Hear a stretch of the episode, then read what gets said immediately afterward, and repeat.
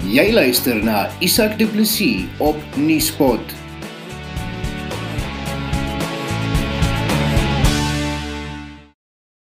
Goeiemôre en welkom by Nuusbril. Dis Nuuspot se weeklikse nuusbesprekingsprogram en die beginsel waar volgens die program werk is dat ons glo nuus word nie net gelees nie, dit word ook beleef en geleef en mense in verskillende kontekste kyk deur verskillende brille daarna en daarom gee ons mense uit verskillende vlakke van die samelewing kans om kommentaar op die week se nuus te lewer.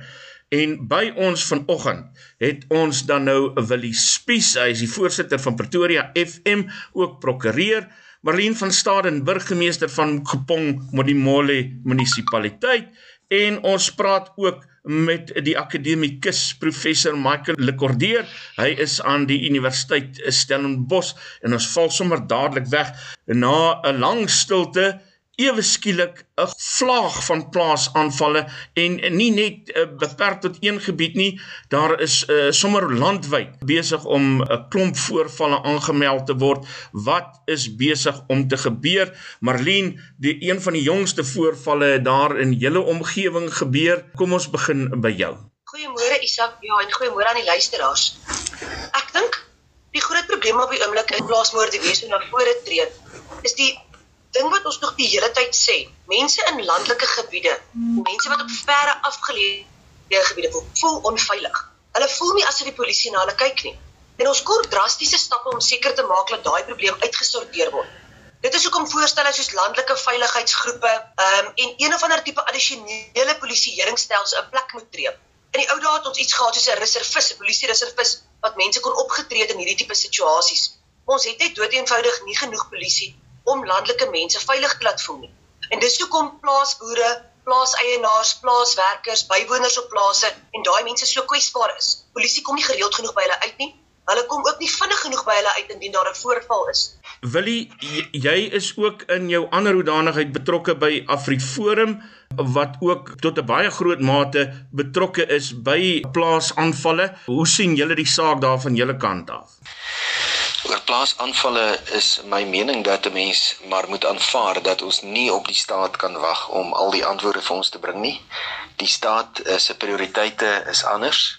Die staat se prioriteite is ongelukkig ook uh, in baie opsigte irrasioneel. As 'n mens kyk na syfers, as 'n mens kyk waar vind moorde plaas, as 'n mens kyk hoe die statistiek en samestelling van gewelddadige misdaad ehm um, lyk en jy kyk waar die prioriteite van die staat is dan sien jy dat daar net eenvoudig nie 'n passing is tussen dit wat die staat doen en dit wat op die grond gebeur nie. En juist daarom is dit krities belangrik dat gemeenskappe hulle self verder moet mobiliseer buurtwagte moet geaktiveer word. Afriforum speel 'n geweldige rol en 'n baie groot deel van hulle begroting word afgestaan daaraan om uh, dit reg te kry om buurtwagte te vestig, sterk te maak, gereeld aktief te wees sodat gemeenskappe hulle self beveilig. 'n Gemeenskap wat self beveilig is, is baie beslis 'n veiliger gemeenskap as een wat wag op die staat en op die polisie en op die politici om hulle lewe veiliger te maak. So dis die realiteit ons uh, kan baie daaroor praat, maar ehm um, gemeenskappe sal self aan die werk moet spring.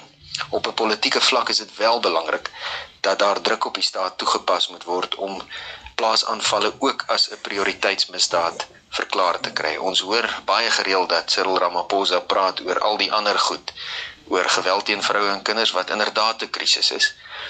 En uh oor ehm um, allerlei ander misdade wat vir hom 'n prioriteit is, maar hy verseg eenvoudig om die veiligheid van boere op die plase as 'n prioriteit te identifiseer. Dis die kosprodusente van die land. Dit is die mense wat uh, moet seker maak dat ons land nie in hongersnood verval nie. Die feit dat hulle geteken word en dat hulle die slag offers is van 'n gruwelike gewelddadige byna 'n vorm van terrorisme op die plase dit moet deur die staat raak gesien en erken word op 'n politieke vlak. Ek dink as die regte politieke syne uitgestuur gaan word, sal die klimaat in die land ook verander ten goeie. So enerzijds 'n politieke klimaat wat reggestel sal word, anderzijds 'n gemeenskap wat sal moet besef hy is op sy eie en hy sal homself moet beveilig. Verkeersboetes behels meer as 'n klein ongerief met minimale gevolge. Jy kan 'n kriminele rekord kry of probleme teekom as jy jou rybewys of motorlisensie hernie en die metropolisie kan jou by padplakkades lastigval om die boetes te betaal. Fines for you vir minder moeite met verkeersboetes deur hul te monitor en vinnig, wetlik en effektief af te handel sodat jy nie die ongewenste gevolge hoef te dra nie. Ons spesialiseer in groot vlote en streef daarna om jou geld te bespaar. Kontak ons gerus op 011 867 7331 of besoek ons webtuiste by www.finds4u.co.za.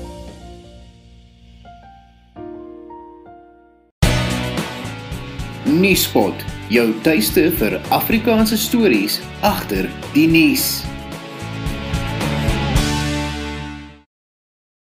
Michael, wil jy dit nou 'n aspek genoem van misdaad wat julle daar in julle deel van die wêreld daar in die Wes-Kaap maar baie goed mee bekend is veral daar op die Kaapse vlakte vanuit daai perspektief sou ek graag ook jou kommentaar op die verskynsel van plaasaanvalle wil hoor. Heel eers moet 'n mens sê dat enige vorm van uh mense verlies enige wyse waarop mense onnodig seer gemaak word en in hierdie geval doodgemaak word, moet 'n mens uh in die skerpste moontlike taal veroordeel. Dit kan nie goed wees nie. Dit kan nie goed wees vir ons land se toekoms nie. Dit kan nie goed wees vir ons beeld in die buiteland nie. Dit dit sal niemand aanmoedig om in ons land te kom belê nie. So uh, dat dit dat ons as 'n land dan daar moet kyk is uh voor die hand liggende aspek. In die Weskaap het ons gesien dat in 'n tydperk van slegs 6 maande is daar in die Kaapstad en omgewing 2400 mense vermoor, die meeste daarvan op die Kaapse vlakte. Dit is net soveel mense as wat tans ek het gaan kyk na vanoggend se syfer. 2400 is net soveel mense as wat tans die COVID-19 uh of wat in die COVID-19 pandemie omgekom het en en en net soos die plaasaanvalle moet dit ook veroordeel word. En en ek wil in die opsig met Willie saamstem. Ons regering sal moet wegkom van die idee dat die staat vir alles verantwoordelikheid moet uh, aanvaar. Die staat sal moet begin om vennootskappe te smeer met die mense. Die mense van die Kaapse vlakte weet die beste oor wat die bende geweld behels. Net soos die mense wat in plaasaanvalle geteken word, die meeste en die beste sal weet hoe om dit uh, te beveg. Uh die polisie kan steeds 'n toesig hou. Die polisie kan steeds die oorkoepelende gesag wees, maar alleen gaan hulle nie hierdie geveg wen nie. Tot dusver het hulle nie goed gedoen nie en die tekens dat hulle in die toekoms daarbey gaan uitkom lyk ewe eens maar baie uh moeilik en selfs onmoontlik. So wil ek stem saam, daar is eintlik geen ander oplossing as dat die staat moet hande vat met die plaaslike gemeenskap. Uh gee die mense die geleentheid om hulle self te organiseer of dit nou is op die Kaapse vlakte of op die plase in die geweld. Uh ons kan nie toelaat dat die dat die plase op die ou einde gaan onbevolk wees nie. Dat mense begin begin plase te verlaat nie, want die plase is die spense en is die kos kaste van ons land se samelewing daarsonder gaan mense uh ook maar nie genoeg kos op hulle tafels hê nie. So alles werk saam en die staat sal moet begin om saam met sy mense te werk. Marlene, waar dink julle begin hierdie nuwe vlaag? Isak, ja, ek stem saam met beide Willie en Michael oor die situasie dat die staat moet gebruik maak van plaaslike gemeenskappe om hulle self te beveilig want dit is net onmoontlik vir die staat om by almal uit te kom. Maar ek dink die nuwe vlaag het maar te doen met die feit dat daar baie groot frustrasie onder inwoners van Suid-Afrika is. Hoe hongerder mense word, hoe groter die werkloosheidsyfer word, hoe meer finansiële, ekonomiese en sosiale druk daar op gesinne is, hoe groter is die kans dat hulle uitreik tot geweld. En die probleem is, ek stem ook saam met die feit dat daar baie politieke inmenging in hierdie tipe situasies is. Dis amper asof die nasionale regering hierdie tipe misdade oorkyk en nie drasties genoeg optree nie. En ek dink dis een van die redes hoekom sekere inwoners voel dat hulle kan optree tot so mate en dat hulle dalk moontlik daarmee kan wegkom. Partykeer betrek ons in twyfel hoe vinnig en hoe effektief die regstelsel is. Word daai mense ooit werklik gevange geneem, gaan hulle deur die regsproses, kom hulle in die tronk op die ouend van die dag. En is hulle werklik bang om so op te tree of vat hulle maar net 'n kans want hulle dink hulle gaan definitief daarmee wegkom op die ouend van die dag? Kom ons uh, gaan na die volgende saak toe want mense kan nou nog lank hieroor gesels. Michael Helen Zille is alweer in die spervuur na 'n uh, tweet van haar. Dink jy die spervuur is geregverdig of hoe dink jy? John Steenhuisen het daarop geantwoord. Kyk, sy het gesê daar is vandag meer rassistiese wette as wat dit was destyds onder apartheid. En ek dink John het baie mooi verduidelik en gesê dit is uh, feitelik is dit nie waar. So dat sy sowieso gesê het beteken dat sy het haarself nie 'n guns gedoen. Maar ek wil iets meer as dit sê. Helen, hulle is 'n goeie politikus. Sy's 'n slim mens, sy's 'n goeie leier. Sy beskik oor geweldige ondervinding en sy het beslis baie goeie kennis en baie kennisse. Ek sou graag wou sien dat Helen in die toekoms 'n nuwe rol begin speel, naamlik die rol van 'n mentor agter die skerms. Dink mevrou Zille kan hier 'n baie goeie rol speel deur opkomende leiers te mentor te ontwikkel en te help sodat uh, hulle hulle plek kan inneem in die samelewing. Ek dink op daardie wyse gaan sy steeds 'n belangrike rol speel, nie net in Suid-Afrika nie, maar ook in haar eie party en ek dink op daardie wyse sal sy nommer 1 steeds wys dat sy wil 'n verskil maak, maar in hierdie geval sal dit 'n positiewe verskil wees. Ek dink nie sy doen haarself of die politieke party 'n guns uh met die laaste tweet wat sy gedoen het nie. As die staat ons uitskop, is dit tyd vir die gemeenskap om in te skop. Dit is nou tyd vir help mekaar. Ons mense kry swaar, salarisse word nie betaal nie, kinders moet gehelp word met skoolwerk, mense wat nog nooit kosnood gehad het nie, moet nou vra.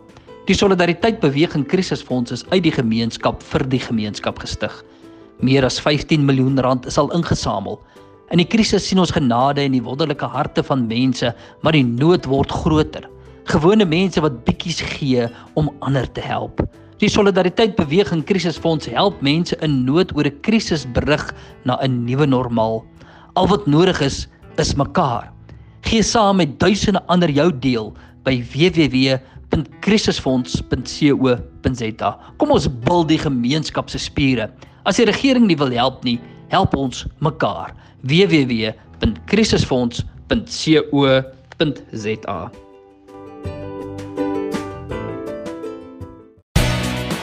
Jy luister na Isak Du Plessis op Nieuwspot.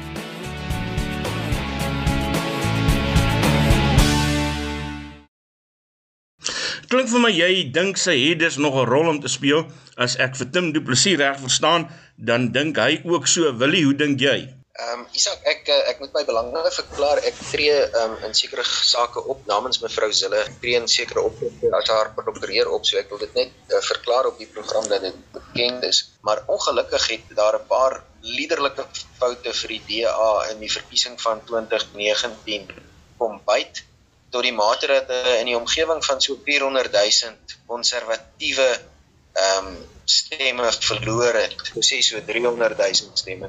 'n Verdere 100 000 stemme het hulle afgestaan ehm um, as waarskynlik as gevolg van die wyse waarop mevrou Patricia de Lille behandel is in die Kaap wat ek dink uh, waarskynlik nie ehm um, 'n geskiedenis wa is waarop die DA baie trots is nie. Wat groot stappe neem om verlore steun terug te kry, maar in die proses eintlik weer 'n hele klomp nuwe steen weg. Jy weet so dit is eh, dit die, ek ek is baie dankbaar dat ek nie self 'n eh, DA politikus op die oomblik is nie. Want ek dink die party verkeer 'n bietjie in 'n bestandskrisis in die sin dat sy konservatiewe basis reeds vervreem is. Dit gaan moeilik wees om hulle terug te kry en die die goeie werk ironies genoeg wat nogal onder Lyk vir my Willie het vir 'n oomblik weggeraak daar. Marlene, uh, ek gaan vir jou geleentheid gee om kommentaar van uit jou uh, hoek te lewer. Isak, ek So ek glo wat ons ehm um, leier John Steenhuisen gesê het dat dit nie feitelik korrek is dat die beleide wat ons tans het erger is die wat ons gehad het gedurende apartheid nie. Maar ek wil ook sê dat ek dink daar was 'n baie groot ongelukkigheid aan die kant van mense soos Helen Zille en baie ander inwoners van Suid-Afrika dat die nasionale regering gedurende 'n tydperk van 'n krisis en 'n pandemie rasgebaseerde beleide in plek wou stel om seker te maak dat 'n sekere gedeelte van ons samelewing nie toegang gehad het tot die tipe befondsing en hulpfondse wat die regering beskikbaar gestel het. En ek dink dit het baie mense vreeslik ongelukkig gemaak, insluitende mevrou Zille. Ek het baie respek vir haar as 'n politikus en soos Michael voorheen gesê het, sy kan uitstekend optree as 'n mentor en ek sal baie daarvan hou selfs as sy 'n mentor vir my kan wees. Maar ek het nie saamgestem met die feit dat die tweet wat sy gemaak het noodwendig reg of verkeerd is wat ek nie opinie oor gee nie. Ek wil sê dat ek voel saam met John Steenhuisen dat dit nie dieselfde is nie maar dat ons wel ongelukkigheid het oor beleide wat tans in plek is. Dit is die waarheid. Selfs swart ekonomiese bemagtiging het nie so suksesvol gewerk soos wat ek dink die ANC regering oorspronklik voorgehoop het nie.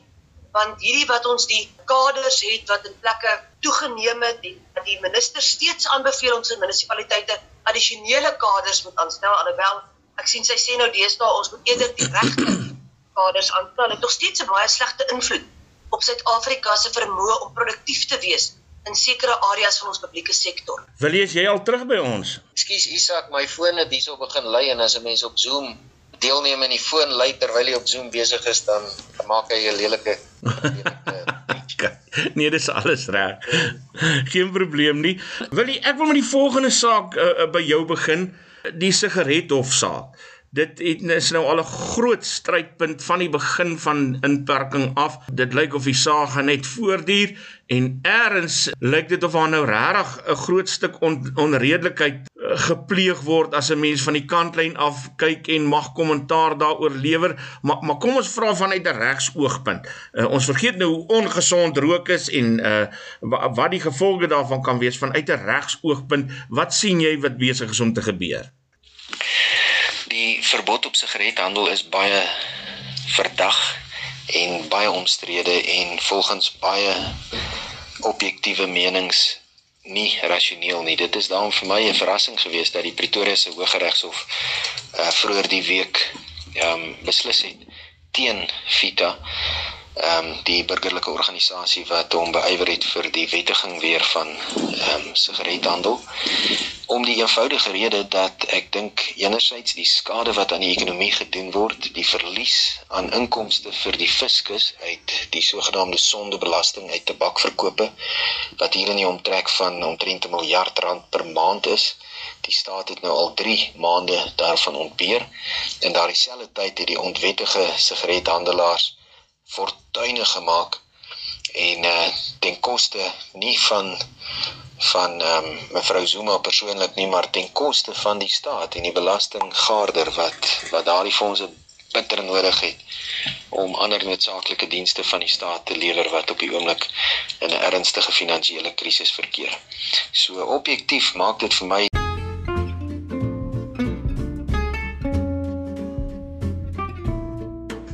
Andre De Plooy is 'n spesialis in finansiële oplossings.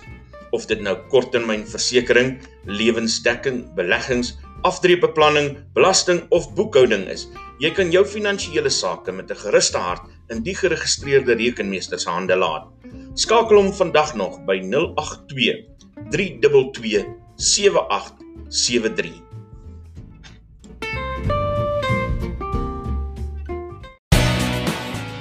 Nuuspot jou tuiste vir Afrikaanse stories agter die nuus.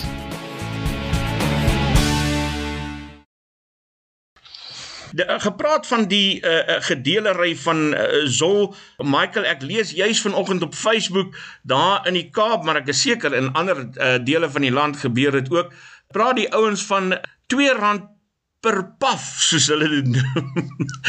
die die sigarette word letterlik verkoop vir 2 rand per trekkie. En op die manier het jy nou klomp mense wat saam aan een sigaret rook en dan maak jy blykbaar iets soos 200 rand wins op 'n pakkie. Uh, in die lig hiervan jou mening oor die sigarethofsaak. My standpunt is dat niks van hierdie verbod op die sigarette, en die, die verkoop van tabak en sigarette maak vir my sin nie uh, hier waar ek woon in die pad waar ek woon die mense wat rondom my woon het vir die afgelope 12 weke het ek nog nooit gesien dat enige een van hulle wat gewoond is om te rook daarmee opgehou het nie. Um, ek sien dat mense daar word sigarette by mense se huise afgelewer. Ek uh, ek sien daar word uh, in die strate onwettig sigarette verkoop en dit word openbloot gedoen en en soos jy sê iemand maak op die oomblik geld en dit is nie die staat wat die geld maak nie om dan weer die die punt van Willie aan te sluit. So die staat skiet homself in die voet, hy maak nie geld nie. Maar in dieselfde asem en ons gaan nou by die volgende punt kom, sê die minister van finansies dat uh ons gaan by die 300 miljard minder in uh as gevolg van belasting. En dan maak dit vir my selfs nog minder saak. En dan die ander punt wat ek wil maak is dat ek dink die president het toe die die derde vlak aangekondig het, het hy gesê Dit is nou die tyd vir mense om verantwoordelikheid te neem van hulle eie gesondheid. Maar dan moet hulle ook doen wat hulle sê. Mense, ek het in my hele lewe nog nooit gerook nie. Uh en ek hoop ook nie om daarmee te begin nie. Maar diegene wat nou wil rook, ek dink ook hierdie stadium weet almal dat dit is nie goed vir jou gesondheid nie en tog kies mense om dit te doen. Dit is hulle keuse. Ehm um, in dieselfde asem word mense toegelaat om wel te kan drank gaan koop wat mense siens nog meer skade uh doen in ons samelewing spesifiek in opsigte van geweld teenoor teenoor vroue. So uh, van wat ek kan dog ek ook al hierdie saak kyk en beredeneer niks daarvan maak vir my sin nie. Marlene ek lees van iemand daar sommer in jou wêreld in jou tuisdorp Uh, en ek dink jy ken haar maar sal haar nou nie ontbloot nie. Sy skryf vir my op Facebook, sy koop daar by die tabakboere. Koop sy haar twak klaar en sy maak nou haar eie zolle. Kom ons hoor by jou hoe jy oor die saak voel. Isak, ja, ek weet presies na wie ek verwys nou. Ek het maar 'n skelm glimlag hier. Maar ek weet nie of die res van die Willie en Michael besef nie, maar die Waterberg omgewing is eintlik die grootste tabakproduserende area in Suid-Afrika op die oomblik. Hier by ons produseer hulle beide ligdroog en oondroog tabak. Duisende tonne van dit. Ek dink die waarde kan omtrent beraam word op omtrent 300 miljoen rand per jaar. En ek dink nie die regering besef werklik wat die impak gaan wees op hierdie besluit wat daar nou vir 13 weke lank geen wettige sigaret of tabakhandel hier in ons omgewing en in die res van Suid-Afrika plaasvind nie. Byna 100% van tabak wat geproduseer word in Suid-Afrika word in Suid-Afrika in dieselfde waardeketting uh mee gebruik. Hulle koop dit hier, hulle vat dit Rustenburg toe, hulle verwerk dit daar, dit gaan na die fabriek toe, hulle maak die tabakproduk en dit word dan weer in Suid-Afrika aan die inwoners hier verkoop. So die hele waardeketting lê basies by ons.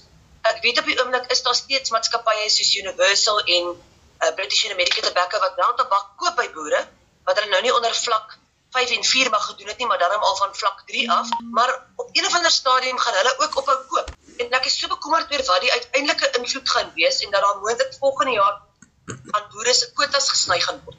Want hier is letterlik duisende mense in ons omgewing wat vir tabakboere werk.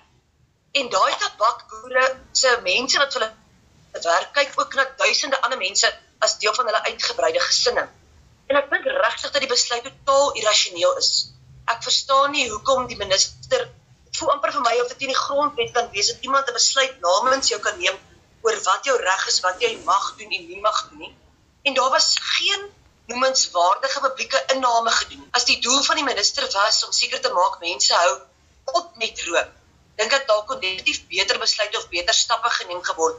Ons kan miskien weer gesê geen rook op publieke plekke nie of geen rook enigsins buite jou eie erf nie, maar ek ek dink op die oomblik al wat gebeur het en ek sien dit elke liewe dag in ons omgewing is die sluikhandel is bevorder. Mense wat onwettig tabak te verkoop se ehm um, ekonomiese impak moet minimaal wees. Ek kan nie dink dit enigsins naaste by vergelyk kan word soos wat die minister gesê met wat die gewone wettige handel van sigarette en tabak in die verlede vir die land beteken het. Maar dit is 'n irrasionele besluit wat op die ou end vir almal van ons 'n baie slegte invloed gaan hê en groter ekonomiese negatiewe impak in ons omgewing en ander omgewings in Afrika gaan.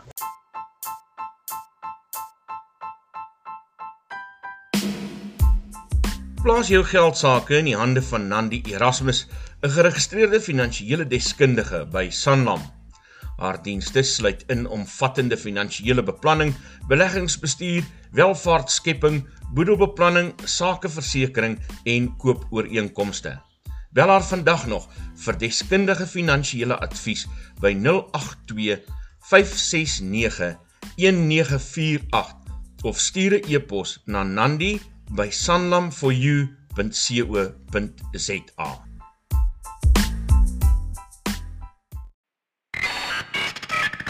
Jy luister na Nuuspot met Isak Du Plessis.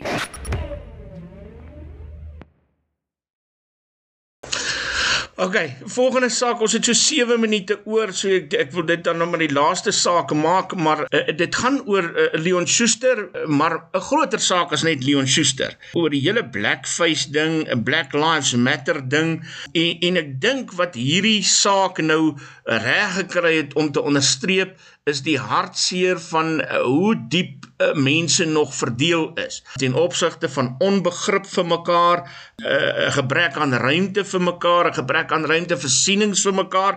Uh dis maar my waarneming, maar ek dink ek wil vir Michael vra om vir ons hierop te antwoord want ek, ek dink Michael vanuit die agtergrond waar jy kom, het, het is jy dalk nader aan die saak om vir ons 'n bietjie beter begrip daaroor te kan gee. Isak, die blackface uh geskiedenis gaan oor die hele kwessie van die bewussyn wat toegeneem het en en die onlangse dood van George Floyd in die VSA het natuurlik bygedra om die hele kwessie aan te blaas.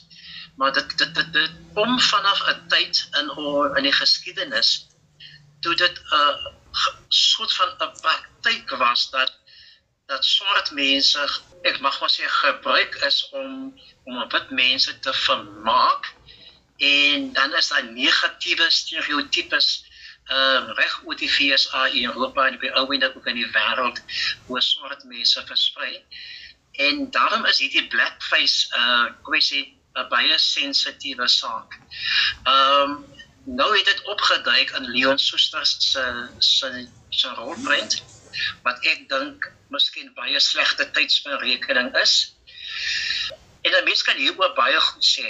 Ek wil volstaan dit te sê ons lewe in 'n tyd waar ons almal hard beklei om 'n nasie te bou in hierdie land. Ons vier hierdie week ons die wêreldbeker span van 1995 wat ja wat daai wêreldbeker gewen het en en, en hulle het 'n lese gehad met Morney Du Plessis gesê. En ons onthou dit nog een land een nasie, one country, one nation. En dit vir my sou so 'n goeie lese wees vir almal van ons en waar ons kan voortbou. Ons moet altyd probeer om daarna te streef en ons moet onthou om so versigtig as moontlik te wees. Want baie keer doen jy 'n ding dalk onbewustelik, dalk dalk onbedoeld, maar die kwaad daarvan gaan so diep en en en dit gaan steeds mense ongelukkig maak. Hmm. So my advies is dat in die in die tyd waarin ons nou leef, moet mense liefs probeer wegbly van van van sulke aspekte of sulke metafore omdat dit niemand 'n guns doen nie en dit gaan beslis nie die beeld van ons land buitekant toe uh, verbeter nie. Ja, maar ek het nou moet sê vanoggend maar ek dink ons rugby spelers het vir ons baie goeie voorbeeld gestel waarvan ons almal kan kan aanklank vind. Dankie Michael Marlene, jou mening daaroor? Isak, ek stem gedeeltelik saam met Michael dat ons op hierdie stadium in Suid-Afrika het ons nog steeds 'n baie groot en wêreldwyd populasie mense wat ongelukkig voel as daar 'n beeld uitgaan dat iemand grappies maak oor hulle ras. En ek dink dit is iets wat ons tans moeilik vind om te verduidelik vir sekere dele van die populasie. Daar's mense wat voel hulle kan steeds 'n grappie maak oor 'n ras en iemand gaan dink is snaaks, maar ander mense voel hartseer of ongelukkig daaroor. En ons moet begin mekaar te respekteer en seker te maak dat die goed wat ons doen en sê werklik eerder die ander persoon se gevoel teenoor dit in ag neem. Baie van die mense baseer daai gevoel op 'n emosie. So oomblik as hy daai prent sien of die voorstelling sien, is daar 'n emosie wat by hom opkom. En om daai emosie van iemand af weg te neem is onmoontlik. Daai is 'n natuurlike ding wat gebeur as iemand 'n sekere voorstelling sien en dit is hoekom daar so ongelukkigheid is oor die blackface wat gebruik word, ehm um, wanneer grappies gemaak word of films gemaak word waaroor mense 'n grappie maak om die blackface te gebruik. So ek dink dit is baie moeilik. Baie van daai films van Leon Schuster het ek self in die verlede gekyk, my jonger dae en daar was toe nie so groot uitroep gewees oor hierdie tipe gevalle nie. Maar huidigelik in Suid-Afrika dink ek sal ek voorstel vir ander inwoners om nie betrokke te raak in die tipe goed wat mense emosioneel ongelukkig sal maak nie. Kom ons probeer saam met mekaar werk. Kom ons probeer om nie goed te doen wat iemand sal terugroep na 'n verlede van ongelukkigheid. Jy luister na Nuuspot. Wil jy maar hoe ver behoort 'n mens 'n uh, mense se emosies in ag te neem volgens jou? Isak, die gebeure rondom Leon Schuster is my baie kommerwekkend. Ek uh, het kennis geneem van die feit dat Netflix sy films verwyder het van hulle speelvlak. Wat uh, vir my bekommer is die feit dat ons in 'n nuwe vorm van 'n totalitêre beheer sit. En in hierdie totalitêre beheer is daar geen ruimte vir vryheid van uitdrukking nie. Daar is geen ruimte vir vryheid van assosiasie nie. Uh daar word mense word gestigmatiseer. Mense word as rasisme rasiste gebrandmerk wat nie rasiste is nie. Mense word as uh uh white supremacists gebrandmerk wat dit nie is nie. Ehm um, ons ons sit eintlik in 'n waansin wat in die wêreld posgevat het. En die verbod of die nuwe sensuur ten opsigte van Leon Schuster se flieks is my 'n tekenende voorbeeld daarvan. Ek uh, wil 'n stalkie aanhaal.